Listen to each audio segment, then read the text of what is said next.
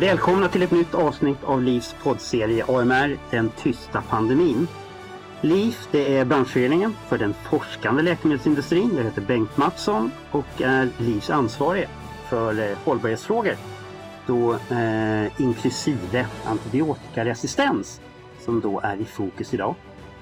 Eh, idag gästas vi här i bloggen av eh, Håkan Hanberger. Han är överläkare vid infektionskliniken på universitetssjukhuset i Linköping och professor på Linköpings universitet.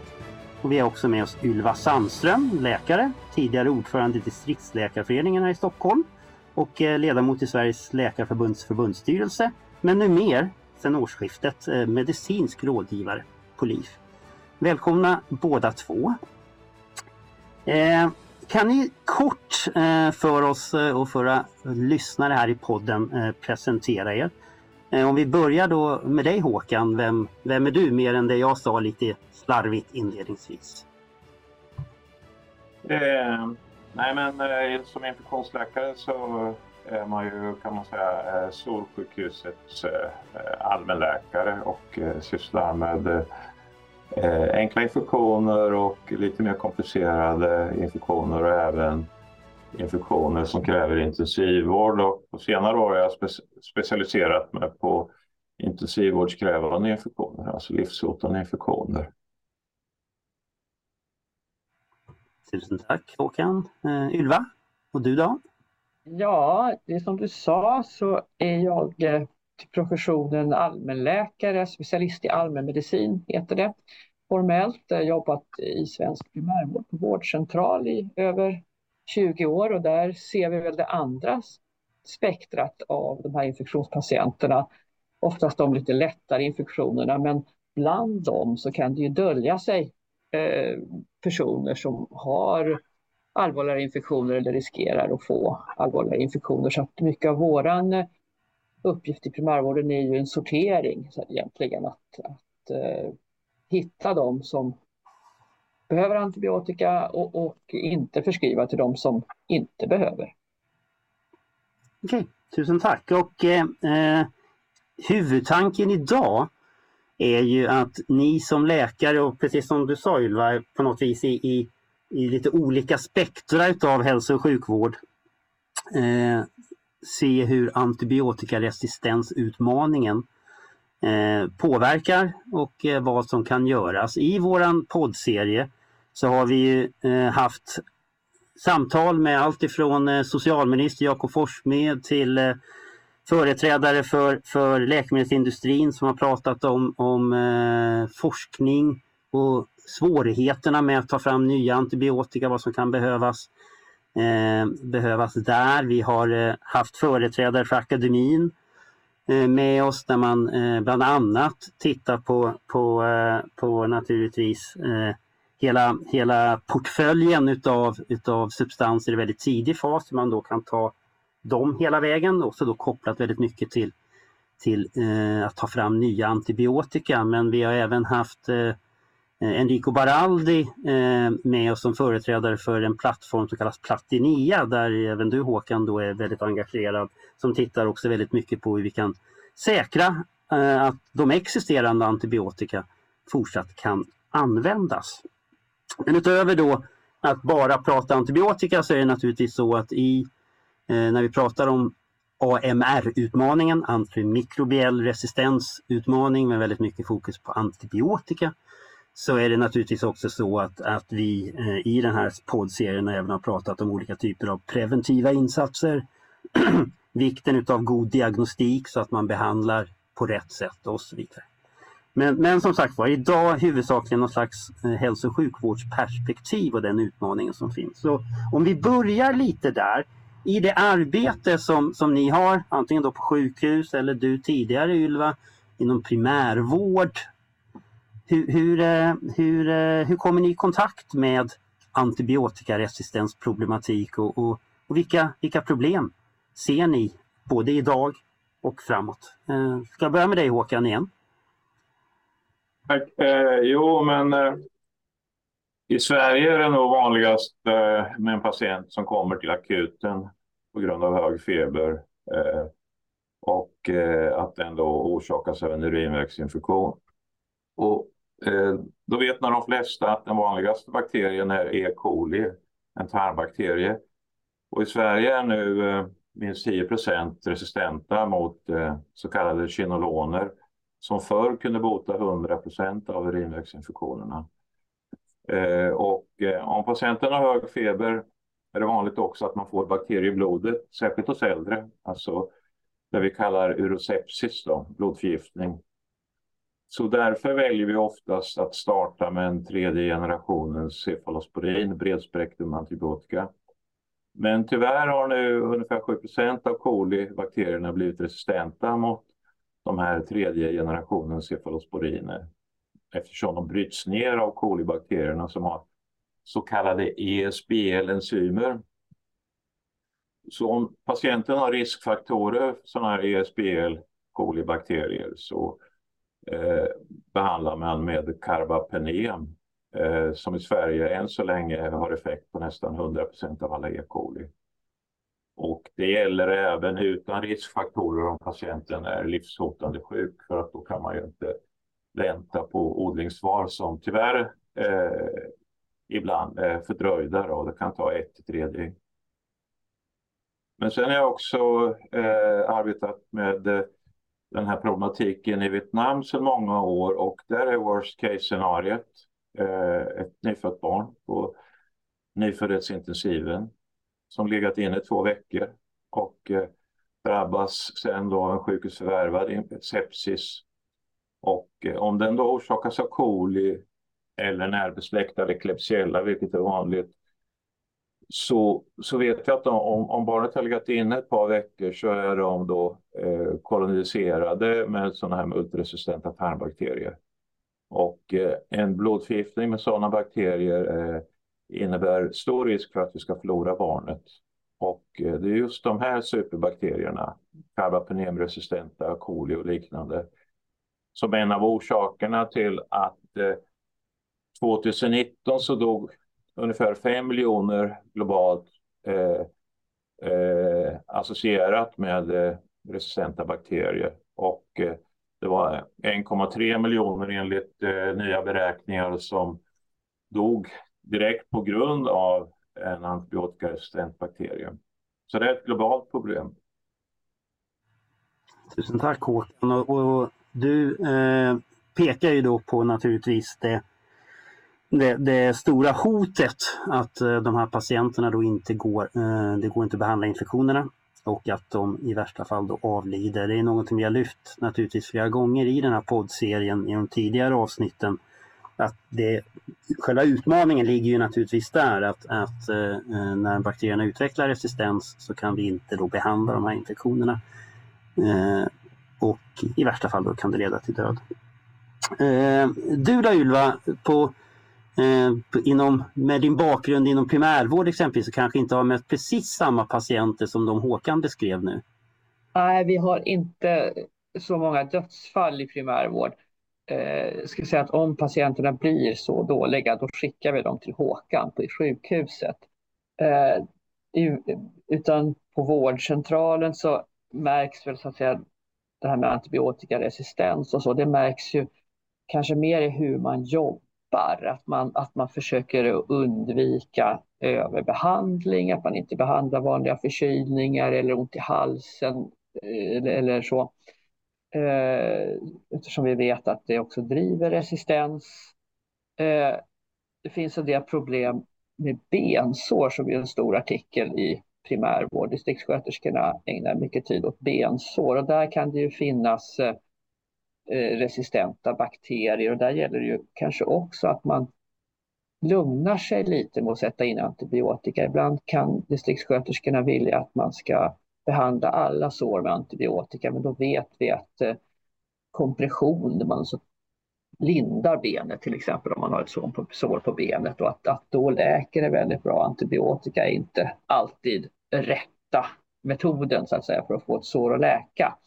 Så att eh, eh vi jobbar kanske mer förebyggande så att säga då. Sen är det klart att eh, eh det har också blivit vanligare nu att vi odlar mer än vad vi gjorde förut för att man ska kunna få ett resistensmönster just för de här urinvägsbakterierna som Håkan pratade om där det är ett stort problem att om man bara gissar på ett antibiotika så gissar man ju ganska ofta fel.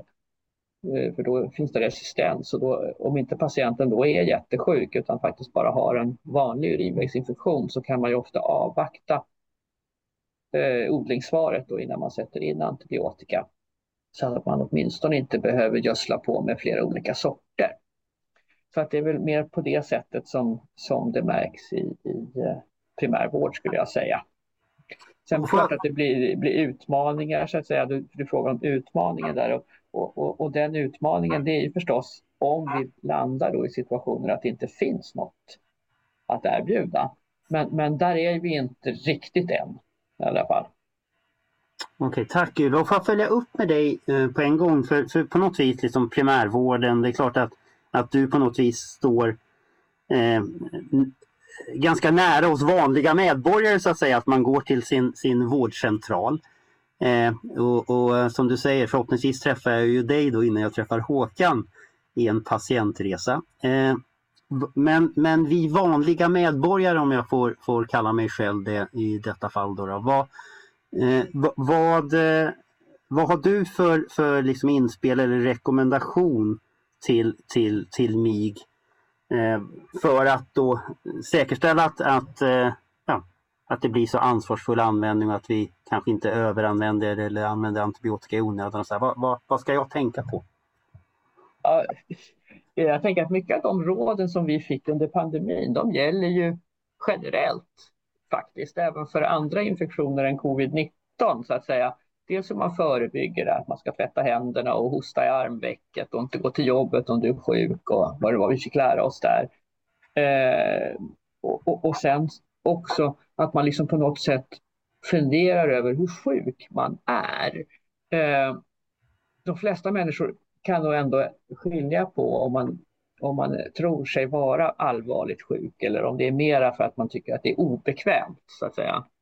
Eh, så. Sen är det ju så att vi är olika sköra i olika åldrar och beroende på vad vi har för sjukdomar i grunden och så. Så att eh, det, det, går ju inte riktigt att säga så att alla som har ont i halsen kan vara hemma, för det kanske de inte kan, men väldigt många kanske kan det, åtminstone om man inte har feber. Eh, så. Men, men, om man är tveksam, säga, då skulle jag i första hand rekommendera att man ringer sin vårdcentral, helst att man pratar med sin doktor faktiskt.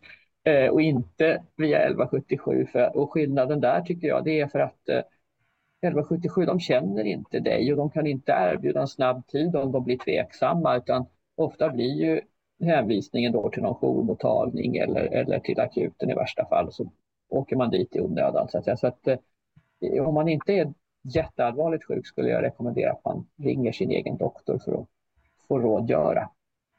Okej, okay. och om jag nu hade oturen då att du skickar mig vidare till dig Håkan. Eh, om du bygger vidare lite grann på, på vad, vad eh, Ylva beskrev som, som eh, liksom medborgarperspektivet. Vad, vad vill du lägga till där? Eh, nej, men egentligen har jag inte så mycket att lägga till. Ylva eh, har ju sammanfattat det här väldigt bra då med en ansvarsfull förskrivning vid eh, banala infektioner. Eh, vi ska inte behandla vanliga förkylningar med antibiotika eftersom de nästan alltid eh, orsakas av virus och eh, det gäller att ha en bra tillgänglig primärvård och att patienten eh, har kunskap om när man ska söka när det är någonting som avviker. Eh, och att, att patienter som är äldre äldre eller har någon underliggande sjukdom som gör att immunförsvaret är sämre så det är extra viktigt då att man eh, har en bra sjukvårdskontakt och i tidigt skede vid infektioner kan rådgöra om man ska stanna hemma eller om man ska komma direkt. Så att eh, eh här är nog Sverige väldigt bra när det gäller en ansvarsfull förskrivning via eh, primärvården. Ylva, någonting, någonting mer där? Jag, jag, jag, tänkte på det också att äh, ofta är det ju så att allvarliga infektioner, om man får en infektion som blir väldigt allvarlig, då blir man ofta plötsligt sjuk. Det, är inte ofta, det finns någon slags missuppfattning att om man missköter sin urinvägsinfektion så kommer man att få en, en njurbäckeninflammation, men så är det oftast inte, utan det är urinväg, har man en urinvägsinfektion och har uthärdliga symptom så kan man eh, ofta vänta några dagar och dricka ordentligt och se om det går över. Det ökar liksom inte risken att det plötsligt ska gå uppåt utan de som får en njurbäckeninflammation, de får ofta det på en gång. De har inte haft en urinvägsinfektion innan. Så att eh, man, man, man, ofta så blir det liksom inte så att, som du sa här, att, Bengt, att man först kommer till mig och sen till Håkan, det gör man ibland. Men, men, men eh, ofta är det faktiskt inte så, utan man blir tvärsjuk och då hamnar man hos Håkan. Eller så blir man inte tvärsjuk och då hamnar man hos mig. Okej. Okay. Nej, men jag vill bara understryka att det är väldigt viktigt att eh, patienter och allmänhet har god kunskap om när man ska söka vård. Och eh, är man allvarligt sjuk i en infektionssjukdom är det, eh, känner patienten oftare. Och eh, då gäller det att man har en god tillgänglighet av vården. Och, eh, vare sig man söker via vårdcentralen eller ringer 1177 eller åker direkt till akuten. Och, eh, så det är en fråga där vi kan förbättra oss då i kommunikation och utbildning av patienter faktiskt. Ja, och nu oberoende av då om jag skulle hamnat hos dig Ylva eller dig Håkan i, i det här scenariot. Eh, eh, om, jag, om, om den infektion som, som jag då bär på, den bakterie, om det inte finns antibiotika som kan behandla den, vad, vad är det egentligen då som kan tänkas hända? Vad, vad, vilka utmaningar finns, finns för vården? Om du börjar Ylva och sen du Håkan. jag tänker att om antibiotika verkligen inte skulle finnas, då har vi ju ett jätteproblem för det hotar ju liksom allt som modern sjukvård står för på något sätt. Inte bara infektioner som ju skulle bli omöjliga att behandla då.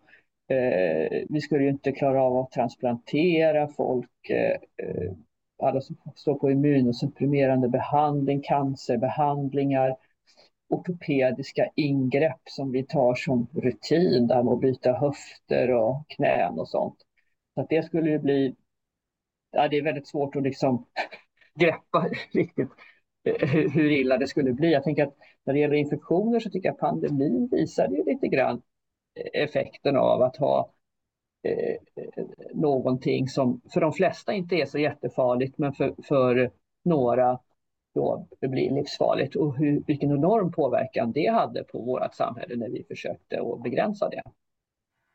Just det. Håkan, något eh, tillägg där från ditt perspektiv? Nej, men jag håller med Ylva där och eh, om vi tar antibiotika då kraschlandar vården kan man säga. Mm.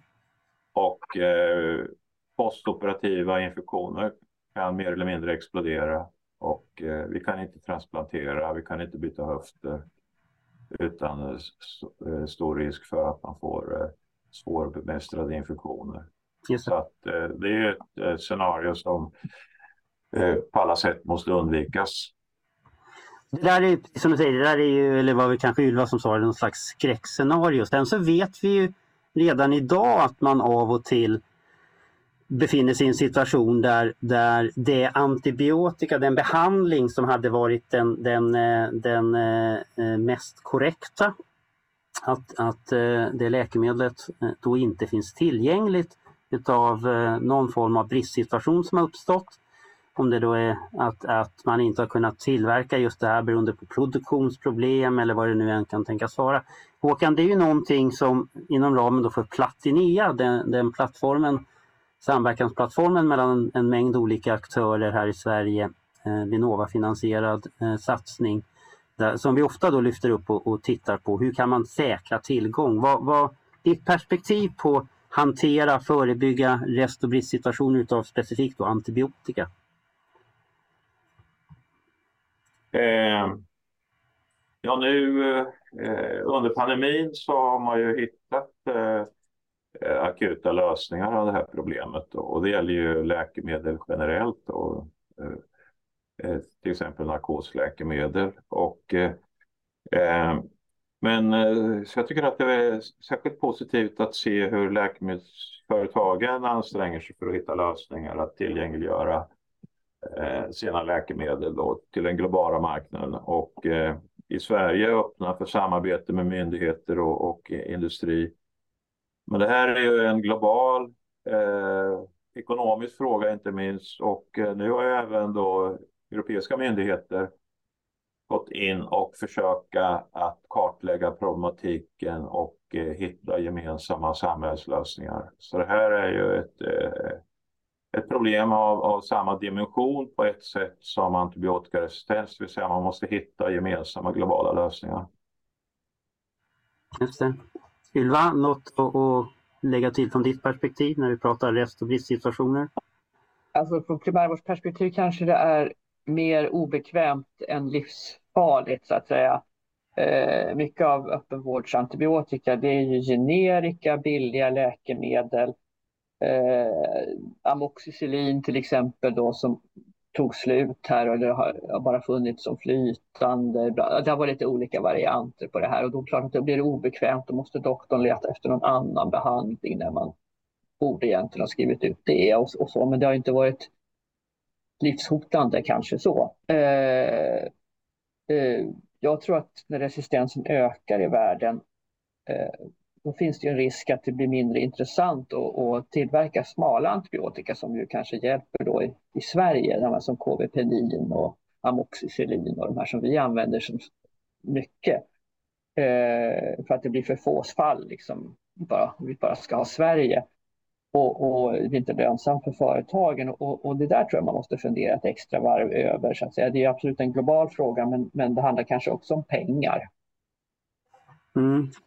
Det, det är en, en för närvarande otroligt, eh, otroligt het eh, fråga, rest och bristsituationer och, och eh, där arbetar LIF, Läkemedelsindustriföreningen, för närvarande med att ta fram då en handlingsplan läkemedelstillgänglighet där vi eh, avser då att dels beskriva naturligtvis vad, vad vi som, som eh, industri, våra medlemsföretag gör och kan göra både ur ett svenskt perspektiv men även internationellt och även peka på vad vi, eh, vad vi ser att myndigheter, hälso och sjukvård eh, och andra aktörer också kan göra, måste göra för att vi tillsammans då, precis som Håkan pekar på, ska kunna, kunna hantera den här situationen. Eh, Platinia som plattform tycker jag personligen då har varit eh, eh väldigt, väldigt värdefull. Den, den, eh, den, eh, det samtal över alla aktörsgränser som, som det möjliggör. Ett annat sånt här svenskt eh, initiativ som, som eh, ofta, ofta lyfts och, och eh, med rätta får, får mycket, mycket beröm och cred är naturligtvis Strama. Eh, jag gissar att ni båda två på olika sätt har, har kommit i kontakt med Strama under, under åren. Eh, vill, ni, vill ni prata lite grann om det och vikten av Stramas arbete för att adressera antibiotikaresistensproblematik? Vem av er som vill börja? Ja, jag kan börja. Jag var ju med i Stramas eh, ledningsgrupp från första början i princip då, på 90-talet. Och, eh, eh, Strama har ju varit mycket framgångsrika. Eh, framförallt när det gäller att eh, på olika sätt stödja rationell antibiotikaanvändning i öppenvård och det är där 90 procent av antibiotika förbrukas. Eh, man har tagit fram väldigt bra behandlingsriktlinjer i en process tillsammans med eh, myndigheter Läkemedelsverket, Folkhälsomyndigheten. Eh, så här är ju Sverige ett internationellt föredöme skulle man kunna säga. Och nu har Strama även initierat Strama Smarta Sjukhus. Men det är lite mer komplext, eh, särskilt i Sverige som har en extrem vårdplatsbrist och eh, vi har många svårt sjuka eh, patienter med eh, infektioner. Och, eh, men det är en hel del bra processer på gång här också och eh, till exempel standardiserat vårdförlopp för sepsis. Eh, man eh, gör antibiotikaronder inom akutsjukvården för att Eh, övervaka och återkoppla eh, förbättringsmöjligheter i behandlingsrutiner och eh, det som står på min önskelista är bättre beslutsstöd för inte minst unga läkare då när det gäller att välja rätt antibiotika till rätt patient i, i rätt dos. Och, så vi behöver utbilda oss tillsammans för att vässa oss ytterligare då när det gäller antibiotika på sjukhus. Okej. Okay. Ylva? Mm. Jag, jag, jag, håller helt med Strama, det var jätte, jättebra. Tack Håkan för att du jobbade med det på 90-talet när jag var student. Eh, eh, det har hjälpt oss jättemycket i primärvården. Vi har fått liksom riktlinjer hur man ska behandla. Det liksom blir inte det här lite doktorn tycker utan nu är det liksom så här. Vi behandlar smalt, försöker ha så korta behandlingstider som möjligt. Eh, och vi har ju ändå en förhållandevis gynnsam situation jämfört med många andra länder, även om det långsamt då går åt eh, fel håll så att säga. Det som jag skulle lyfta det är liksom också det att, att det är så himla viktigt med en noggrann sjukhistoria och att man undersöker patienten. Man kollar hur de syresätter sig, hur, hur de har för blodtryck, hur är allmäntillståndet som man brukar kalla det för. Liksom är man trött och slak eller är man uppe och går och, och, och, och så här. Och så, det är jätte, jätteviktigt när man liksom ska bedöma hur svårt sjuk en person är. Eh, och det här finns jättebra angivet just i Strama. Där, det liksom, där man kategoriserar patienterna efter grön, det vill säga inte så farligt. eh, gul, ja var lite vaksam, den här patienten ska, du ska följa upp. Eller röd då, allvarligt skicka in. Eh, beroende på vad man har för undersökningsfynd. Och det, det, det liksom stärker ju också eh, även okunniga, eller nya, jag ska inte säga okunniga, men, men eh, yngre läkare som inte har så mycket erfarenhet där man har sånt att hålla sig till. Så att eh, det har verkligen höjt kvaliteten tycker jag, Strama, jättemycket. Eh, och jag kan tycker att det är lite oroande när man till exempel skriver ut antibiotika då på distans utan att kunna undersöka patienterna ordentligt. Eller när patienterna själva inleder egen behandling med lite gamla tabletter som man hade hemma. Eh, och det är ju ganska vanligt faktiskt att folk gör det. Då har man ju dessutom förstört möjligheterna till att ta en odling när man gör så. Så att, eh, det hoppas jag att folk inte gör. Eh, när, när, ni båda två nu beskriver Strama så, så, är man ju också inne på, på preventiva insatser. Och, och eh, kan vi bara prata lite grann om det innan vi, vi eh, börjar närma oss avslutning av dagens avsnitt. Eh, om prevention och, och eh, utöver det som ni, ni, redan har pratat om, Ylva, om du vill börja, är det någonting mer som man kan lyfta där? Det är det här Tegnell, du vet, tvätta händerna, gå inte till jobbet när du är sjuk. eh, nej, men annars, det handlar, egentligen, prevention handlar egentligen om hygien, och sanitet och, och, vaccination. Det är det man kan göra. Det är de tre sakerna egentligen. Då. God hygien vid matlagning, det är ju ganska vanligt med okokt kyckling, eller vad säger dåligt stekt kyckling. Det då kan, kan man bli väldigt sjuk så att det är bra att man tänker på det. Sexuell hälsa, det har vi inte pratat om någonting men eh, man ska ju skydda sig mot sjukdom också, inte bara mot graviditet. Eh, socialt är det viktigt att vi inte är trångbodda. Eh, och vi bör inte vara trångbodda i arbetslivet heller, tänker jag, eller i sjukvården då, då vi pratar om vårdplatsbrist när patienterna ligger på varandra. Det gör de kanske inte riktigt, men nästan eh, skolor och förskolor, att det är trångt och sådär. Ljus och luft skulle man ha på 30-talet när man byggde bostäder för att bekämpa tuberkulos och, och det gäller ju fortfarande. Så. Mm. Sen är det jätteviktigt med vatten och avlopp och sådana saker som kanske inte vi i sjukvården är så jätteengagerade i, men det är ju viktiga samhällsfrågor. Absolut. Och, och eh, i, i, tidigare avsnitt här i podden så har vi pratat om för, förvisso även hygien och sanitet men också naturligtvis vaccinationer och där spelar ju naturligtvis läkemedelsindustrin en roll. Eh, vi, vi eh, vill ju gärna se naturligtvis breda, robusta nationella vaccinationsprogram. Ja, absolut, och det, och det där är ju en jätte, jätteviktig fråga och just när det gäller barn så har vi ju det. Vi har ju jättebra vaccination för barn och har ju fått bort de här barnsjukdomarna i princip. Eh, men för vuxna så haltar det lite grann. Vuxna eh, äldre då som erbjuds influensa till exempel, men det är ju typ bara hälften som tar det, åtminstone i Stockholm.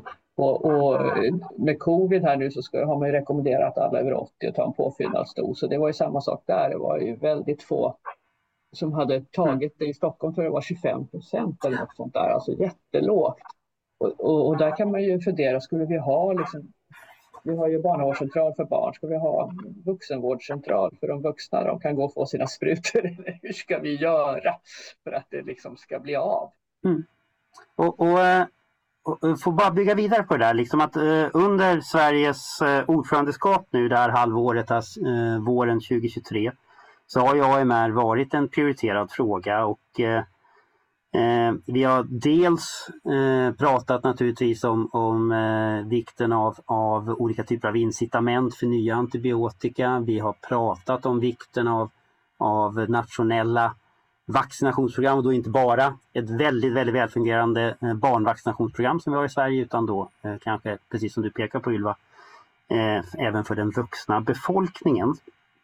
Eh, så, eh, och vacciner respektive antibiotikaprodukter är ju naturligtvis vår branschs viktigaste bidrag på något vis ändå i arbetet mot, mot AMR. Och Ylva, du har ju redan pratat eh, om, om vaccinationsprogrammen. Eh, fråga dig Håkan, är det någonting som du vill, vill eh, lägga till i, i det perspektivet? Eh, nej, men jag instämmer med Ylva där och eh, att i, i grunden för att kunna ha en ansvarsfull förskrivning av antibiotika så måste man ha god folkhälsa. Mm.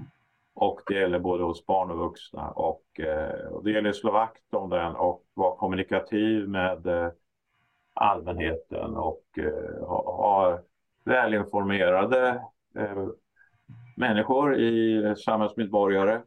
Och, eh, och när det gäller då förbättringsmöjligheter så är det precis det som Ylva säger, alltså att man kan ytterligare liksom stödja då att man tar sitt influensavaccin eh, när man är över 65, att man ser till att man fyller på sitt covidvaccin, att man tar pneumokockvaccin, att man eh, försöker sluta röka och eh, alla sådana saker och motionerar. För då eh, i kombination med en tillgänglig eh, sjukvård, bra primärvård eh, och med en kontinuitet då, då kan vi liksom ha en, en ansvarsfull antibiotikaförskrivning. Det tror jag är jätteviktigt. Och, eh, här är ju alla länder har ju olika eh, situation så därför är det viktigt att, att eh, man utgår ifrån sin, sin egen eh, situation eh, när man vidtar åtgärder och satsar på olika interventioner. Då.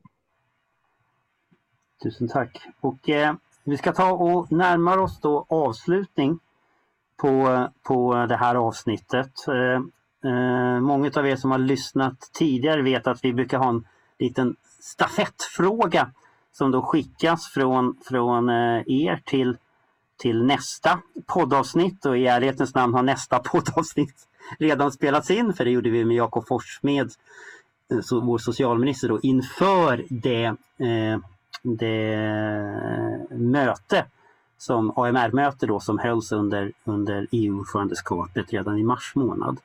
Så eh, eh, Jakob har fått en fråga utav er och Ylva du har ju sagt att du ska ändå läsa upp den i det här avsnittet så att vi så att säga klipper ihop eh, eller kopplar ihop de olika avsnitten. Så om du kan läsa upp den fråga som, som ni då har ställt till Jakob och så får man lyssna då på eh, Jakob Forssmeds avsnittet om man vill höra hur han besvarade den. Ja, det handlar om strama, eller ja, i Sverige så har vi avsevärt lägre resistens än i andra länder på grund av ansvarsfull förskrivning.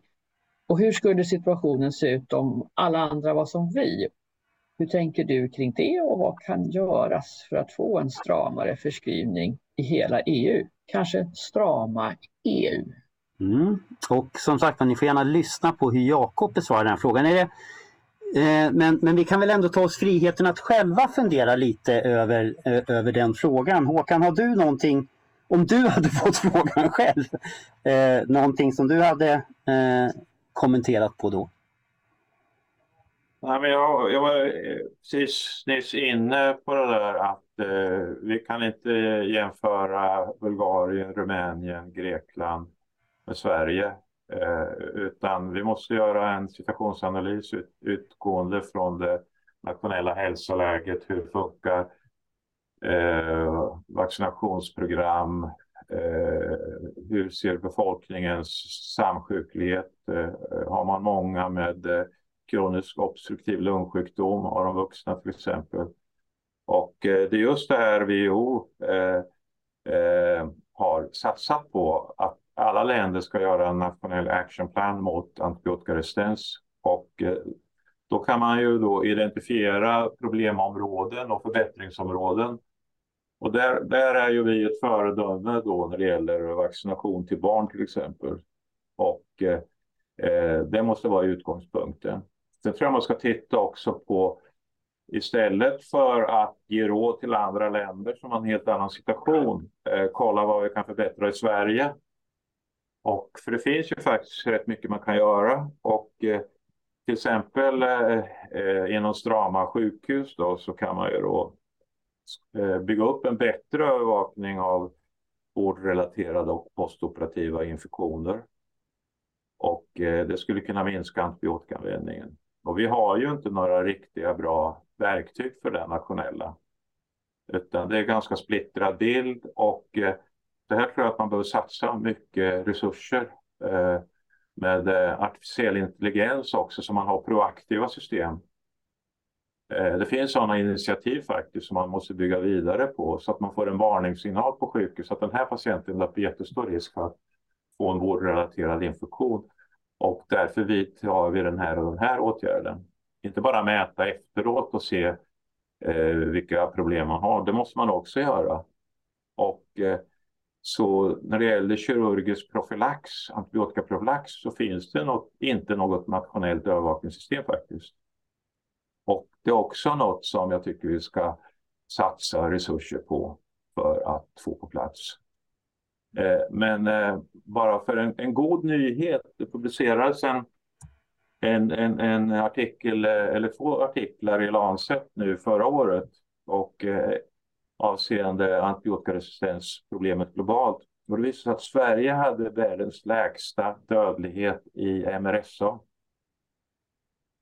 Och vad beror då det på? Jo, det beror på att vi screenar patienter avseende de här resistenta stafylokockerna om man har legat på sjukhus utomlands eller har riskfaktorer för MRSA på annat sätt.